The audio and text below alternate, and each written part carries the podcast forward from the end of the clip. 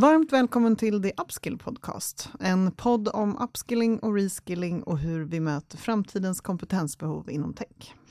Idag ska vi prata om begreppen upskilling och reskilling och varför det är viktigt att jobba med de här och hur du kommer igång.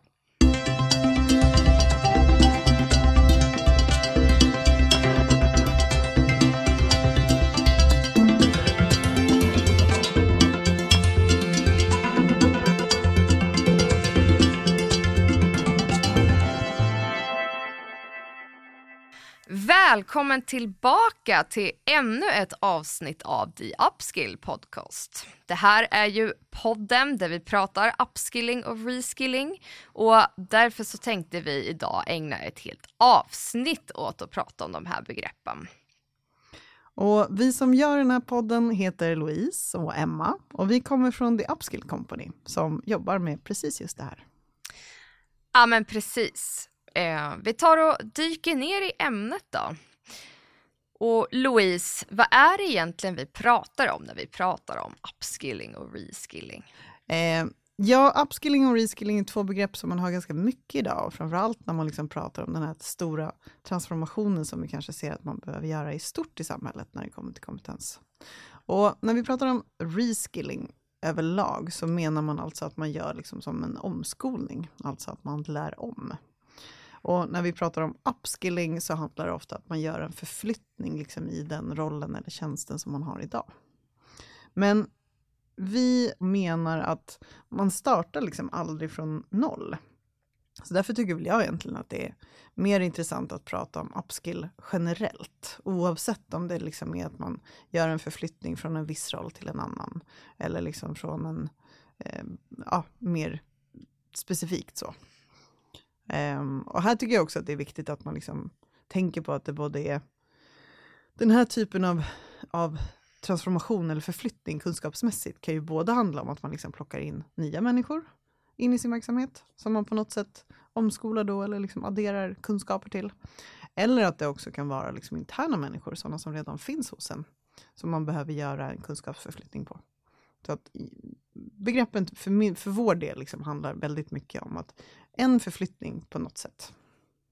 Exakt. Och varför alla pratar så mycket om det här beror ju på att saker och ting förändras och det förändras snabbt. Man tror att ungefär 50% av de sakkunskaper vi har som jobbar inom tech idag kommer vara inaktuella om bara två, tre år. Så det säger sig självt att alla bolag som vill förbli konkurrenskraftiga, både som arbetsgivare och vinstdrivande organisation, måste satsa på upskilling och reskilling. Ja, visst är det så. Eh, och man måste ju framförallt satsa på att hitta rätt människor från start. För att med tanke på att det går så fort och att eh, liksom, utvecklingen går väldigt snabbt, så vill man inte liksom stå inför jätte jätteutmaningen att byta ut hela sin arbetsstyrka så behöver vi kanske fokusera mer på att hitta människor som växer och som kan anpassa sina sakkunskaper efter förutsättningarna. För de förändras ju hela tiden. Och jag menar, någonstans är inte det här jätteolika från när man har jobbat tidigare heller. Jag menar, vi har alltid behövt lära oss på jobbet. Men jag tror att idag så går det så himla mycket fortare än vad det gjort förut. Så att kraven liksom blir lite annorlunda. Och de blir mycket tydligare. Men tittar man på ett bolags techstack idag så kan det vara helt annorlunda om tre år. Så det blir ju det blir ganska kortsiktigt att fokusera sin rekryteringsstrategi eller vad man vill kalla det på de behoven som man ser idag. Vi tycker att det är självklart att man ska hitta folk som, som kommer växa tillsammans med bolaget och förutsättningarna som finns. Mm. Och det där med att hitta rätt människor kan ju vara lite klurigt. Uh, erfarenhet är oftast det som efterfrågas i mm. anställningssammanhang. Uh, men det här älskar ju vi att ifrågasätta. Varje dag. För att hitta kandidater med erfarenhet, det är ju svårt idag. Det vet ju alla som jobbar inom branschen. Och ja, jag menar det saknas hur mycket folk som helst. Och ännu svårare är det ju att hitta kandidater med erfarenhet som också matchar då alla de här andra kraven. Som att man ska ha bra kommunikationsförmåga, Eh, man vill ju ha en bra teamplayer eh, i sitt team. Man vill ha personer som har rätt attityd, motivation, driv, alla de bitarna. Och som sagt, eftersom saker och ting går så himla snabbt idag så spelar det ju inte ens egentligen någon roll vad någon kan idag. I alla fall inte om vi liksom ska se det på sikt. För det är inte vilken utbildning man har i bagaget eller hur många år man har hunnit jobba i branschen som säger något om vad man kommer att ha för värde och bidra med framöver.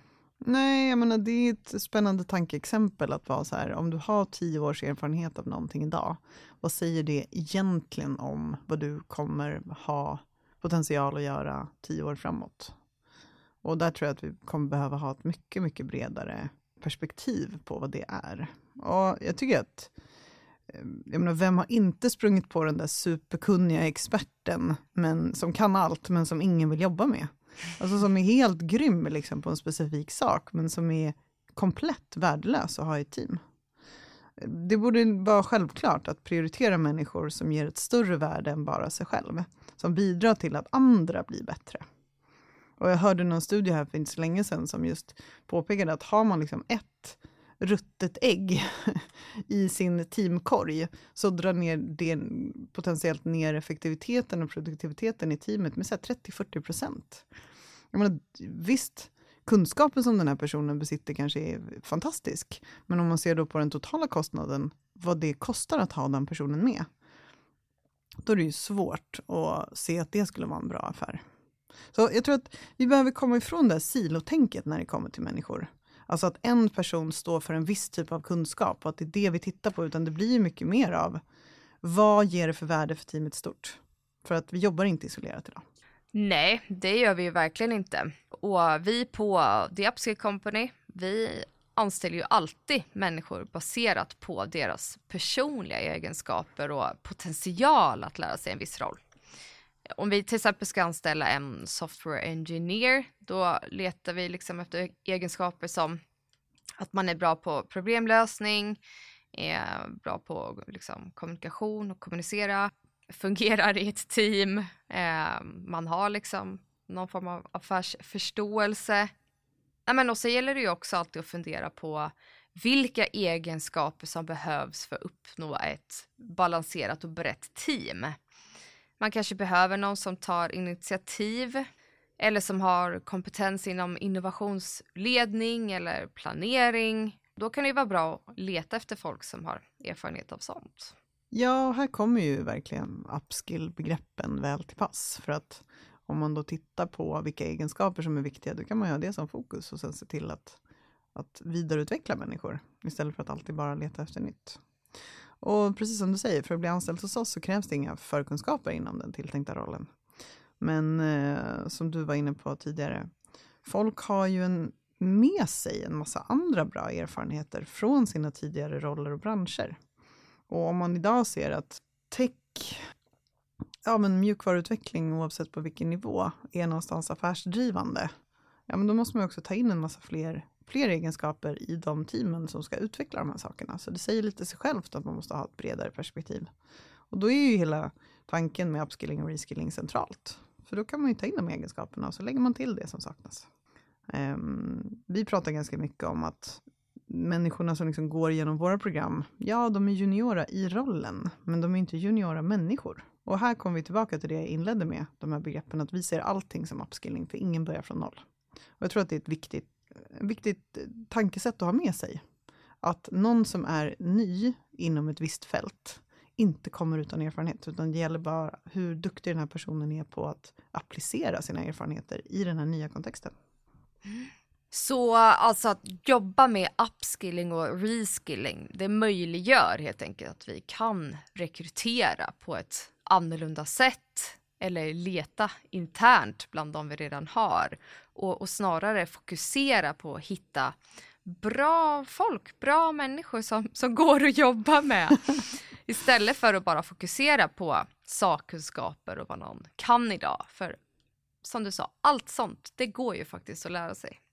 Ja, och jag vill verkligen poängtera det du precis sa, att det här också gäller ju interna människor, alltså sådana som man redan har anställda hos sig idag de personerna som du tycker har rätt kvaliteter, rätt sätt att jobba, som kanske bidrar med otroligt liksom viktiga kulturstärkande egenskaper, eller vad det nu kan vara, som har bra insikt i organisationen, som vet verksamheten, vad det nu kan vara.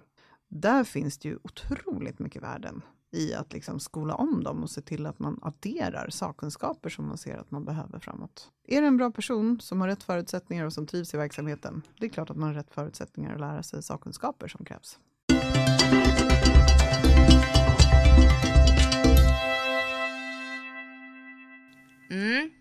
Och eh, att jobba med upskilling och reskilling är ju som vi var inne på tidigare helt avgörande idag eftersom organisationer behöver kunna anpassa sig så fort.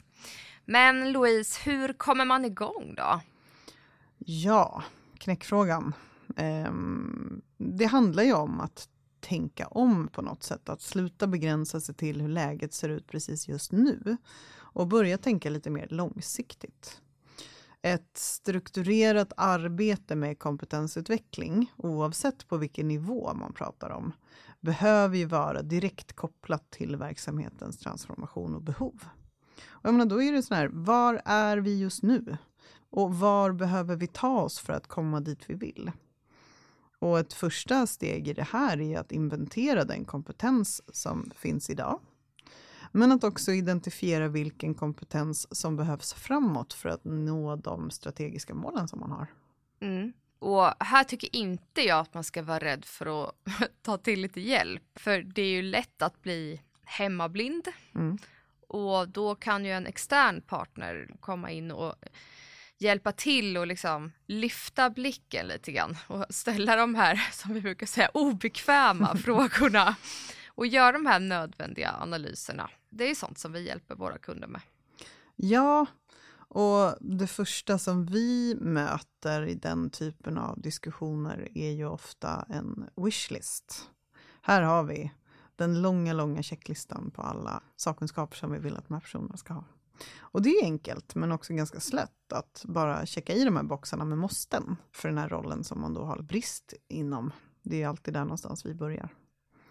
Och där tänker man ju liksom lite fel från början, för att de här människorna är sjukt svåra att hitta. Så att varför liksom börja i den änden, där man gör det ännu svårare för sig själv? Och jag gillar ju den här delen av diskussionen med våra kunder, för att det handlar väldigt mycket om att så här, kill your darlings. Och att hela tiden peta lite på det där ömma såret över att så här, vad är det ni egentligen behöver? Och jag håller helt och hållet med dig om att jag tror att det är jättebra att ta in en extern partner. Just för att bli utmanad på riktigt. För att, för att man inte ska hamna i det där att någon känner att oh, ställer jag den här frågan, då blir det jobbigt på riktigt och det kanske kommer vara jag som behöver rensa upp i den här röran sen. Så att få någon som, som inte lägger någon värdering i det, utan som bara ställer frågor. Vad är det ni behöver? Var är ni idag? Vad är det som egentligen är viktigt? För det gäller ju att komma till kärnan av någonting för att liksom hitta andra lösningar på saker och ting. Verkligen. Men sen då är det ju dags att börja bygga den här kompetensen som man behöver och ta fram tydliga utbildningsplaner. Och det finns ju otroligt mycket material och utbud av kurser tillgängligt. Både från um, stora aktörer som Microsoft och Coursera som ja, täcker typ allt. Mm, svårt att hitta något som inte hittar där. och de har också väldigt mycket kurser som är gratis, ska vi tillägga. Mm. Eh, jag tror att många tänker att allting alltid måste kosta så himla mycket pengar, men så är det ju faktiskt inte. Ja, och de här gratiskurserna, det är ju också någonting som är superbra för de som vill börja lära sig och ta sig in i tech på egen hand. Ja, verkligen. Om man står inför någon typ av ja, men insikt eller vad man nu vill kalla det om att så här, Åh, jag vill in i techbranschen, då ringer det ju ganska, eh, det ekar ganska tomt om man inte har tagit några egna steg själv i att ta sig i den riktningen, med tanke på hur otroligt stort utbud det finns där ute för att lära sig de här sakerna. Mm. Men jag tycker att, eh, jag vill också bara poängtera att, att ha en plan för den här typen av upskilling och reskilling, om man nu ser att man behöver göra en kompetensförflyttning internt, oavsett på vilket sätt man gör det, är ju jätteviktigt, för man behöver vara tydlig. Det behöver vara tydligt varför man vill det, och vad man förväntar sig och vad det finns för möjligheter. Och att man behöver jobba aktivt med det. Och man behöver inse att kompetensutveckling måste få ta tid. Det här är ju, det här är ju A och O. Det gäller att sätta av ordentligt med tid för sina medarbetare att öva och att göra fel. Det kontinuerliga lärandet, om man liksom ser det på en organisationsnivå, måste ju vara en del av vardagen. Det kan inte vara någonting som man säger att man liksom gör någon gång ibland och absolut inte åka iväg på någon kursgård och fika sig igenom liksom tre dagar. Det är inte det det handlar om. Det handlar om att lära sig och utmana sig själv hela tiden. Um, jag vet att du har berättat för mig, och jag läste också någonstans, att ska man liksom vara krass så behövs det väl ungefär en dag i veckan på att upskilla sig själv. Och där tror jag att många tänker att så här, hur, va? hur skulle jag någonsin få in en dag i veckan på att lära mig saker? Men då får man också tänka om lite, att om man, om man ser de små bitarna i att, så här, ja, men som vi gör jätteofta, man springer på en liten grej, att så här, Åh, det här vet jag inte hur det funkar.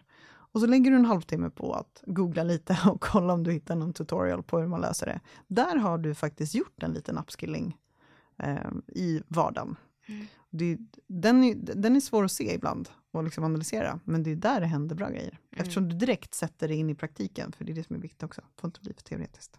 Men sen också det här som du säger, så här, hur ska jag få in det här i mitt schema? Jag menar, där kan det ju vara bra då till exempel ja, planera in lärande redan i sprintplaneringen. Mm, absolut. Mm. Ja, men också det här sen att se till att utveckla individuella läroplaner tror jag är viktigt. Eh, för det är något som kommer göra lärandet ja, men mer relevant för alla och inte bara säga att nu ska, så kan det givetvis vara ibland, att nu måste alla genomgå liksom den här kursen, mm. nu ska alla ta det här sättet. Eh, men att faktiskt ta sig tiden och, och titta lite individuellt. Liksom. Oh ja. Och om man pratar om den här liksom, individuella läroplaner eller individuella målsättningar för vad man ska lära sig, så har man ju som chef eller ledare ett otroligt stort ansvar i det. För att man måste dels göra det tydligt att det är viktigt, men också kanske att det förväntas. Att det inte är någonting som bara är en så här guldstjärna i kanten, utan att du förväntas göra det här. Och här tror jag också att leda med gott exempel är ju extremt viktigt. Du kan inte bara säga till alla andra att de ska göra det. Du måste ju själv vara liksom ärlig med att oj, här behöver jag fylla på min kunskapsbank och jag gör det på de här sätten. Det är väl det absolut bästa sättet att få andra att göra samma sak. Nej, men sen eh, något annat också som vi pratar mycket om är ju det här med att skapa en trygghet i att det är okej okay att misslyckas. Eh, för det är så man lär sig. Och då är det ju också viktigt att man som ledare öppet reflekterar över de misstag man har gjort och vad man faktiskt lärde sig av det. Och ja, men skapa en trygghet i att saker och ting får ta tid som nybörjare. Ja, mm, för jag menar det är självklart, det är ju det är detsamma oavsett om man pratar om att man ska ta in ja, men juniora personer som, som är nya till ämnet eller att man just vill att folk gör förflyttningar.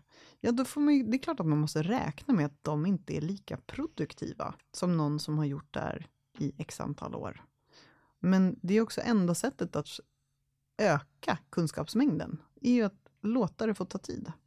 Jag tycker också att man borde eh, fira lite mer liksom, hur kul det är att vara nybörjare. Jag tycker att det är någonting som vi tappar bort jättesnabbt vi är så himla fokuserade på att fira senioritet och expertis och att så här, nu har du jobbat i 25 år på samma ställe eller du har liksom x antal dubbelsiffriga erfarenhet inom den här rollen och så tycker vi att så här, eh, nu höll jag på att svära, gud vad bra du är.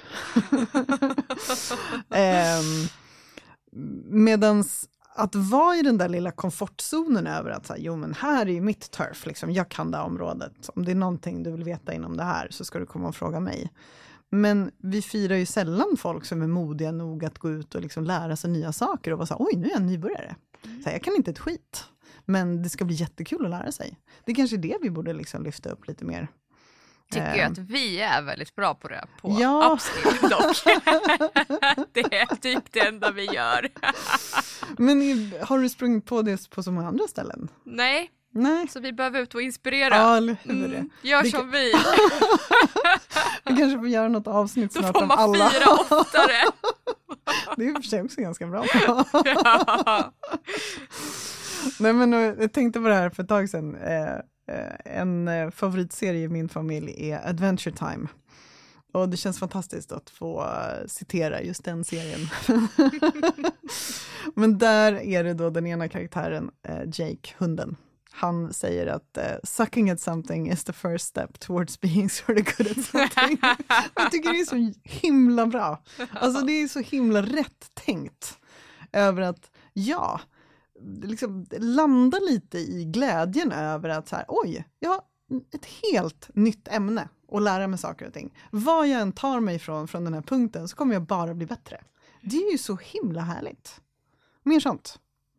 Då måste jag ju bara få fråga, vad är liksom ditt senaste sådär, det här ska jag lära mig. Vad är det du suger på just nu Louise, men som du vill bli bättre på? Ja, det är så sjukt mycket. men eh, senast jag utsatte mig för att eh, bara sådär, här går jag in på väldigt, väldigt tunn is kunskapsmässigt. Vad jag fick möjlighet att eh, delta på en AI och data science-konferens. Eh, så det var två dagar späckade av sjukt intressanta samtal och sessioner och diskussioner om just eh, ja, men AI på strategisk nivå, liksom, men också då lite djupare tekniskt när det kommer till data science och hur vi hanterar data, modeller och algoritmer och så vidare. Det var ju hjärngympa för min del. Du då? Eh, ja, med mig själv har jag gått Microsofts Security Compliance and Identity Fundamentals kurs den här veckan. Ehm, det var något att bita i. Men och den kan jag rekommendera alla som, som vill få en insikt i hur det här digitala säkerhetsarbetet ser ut idag. Ja, spännande.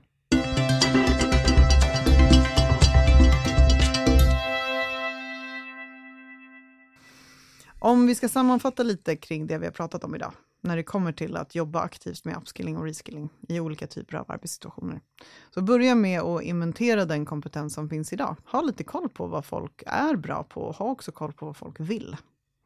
För de allra flesta gånger, om folk trivs med sina arbetsuppgifter generellt, så är det klart att folk vill utvecklas. Men för att kunna kombinera det med de behoven som finns på arbetssidan, alltså på vad kommer man som organisation behöva, så behöver man identifiera vilka kompetenser man saknar och vad man kommer behöva framåt. Och tänk gärna några extra varv på vad det är ni faktiskt kommer behöva framåt. Ta inte the easy way out och bara, ah, det är nog det här, för det har det varit förut. Vi tycker ju såklart att fokusera lite extra på vilka kompetenser som kan tillämpas och anpassas, snarare än att bara stirra sig blind på sakkunskaper.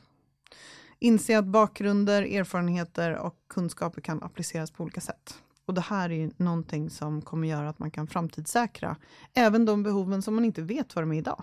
För det är lite det som är tanken här. Hittar du bra människor som kan fortsätta utvecklas och som vill fortsätta utvecklas, då har du ju framtidssäkrat dig, även med det du inte vet vad det är. Vi börjar aldrig från noll, så ha lite förtroende för att folk faktiskt fixar det här och att de vill. Starta en utbildningsresa, alltså ha tydliga mål, ha tydligt med eh, förutsättningarna klara. Alltså sätt av ordentligt med tid och föregå med gott exempel. Ja, men bra sammanfattat Louise. Och uh, om vi ska skicka med ett litet sista råd här idag så skulle jag vilja säga att det kan ju vara bra att börja med något slags pilotprojekt. Mycket bra. För jag menar, det är svårt med förändring. Så försök inte att göra allt på en gång och liksom slå på den stora trumman direkt, utan eh, hitta liksom ett tydligt område där ni har störst problem och, och hitta folk och börja där. Jättebra tips. Just det där med att också kanske få en liten success story, alltså att man har någonting bra att visa på. För precis som du säger, förändring kan ju vara svårt. Och mm, vi är ganska förändringsobenägna, speciellt när vi inte vet vad, vad liksom resultatet av det kommer vara. Så gör man ett pilotprojekt, man får tydliga bra resultat förhoppningsvis då, då är det mycket lättare att kunna peka på det och säga, kolla här, vi har testat och det funkar. Och det här är vad vi har lärt oss, så nästa gång ni gör det så kan ni tänka på de här bitarna. Där har man jättemycket gratis. Och igen, liksom, tycker man att det här är svårt så, så finns det ju hjälp att liksom hitta och, och ta utifrån. Mm, absolut. Och vill ni, ja det är en bra brygga till här, vill ni komma i kontakt med oss så är det bara att surfa in på theupskillcompany.se eller connecta med oss på LinkedIn. Jag heter Louise Vanerell. Jag heter Emma Annerud. Tack för idag Emma. Tack själv. Det var kul att snacka upskilling och reskilling med dig Louise. Och vi hoppas förstås att ni som lyssnat också tyckte det. Bye.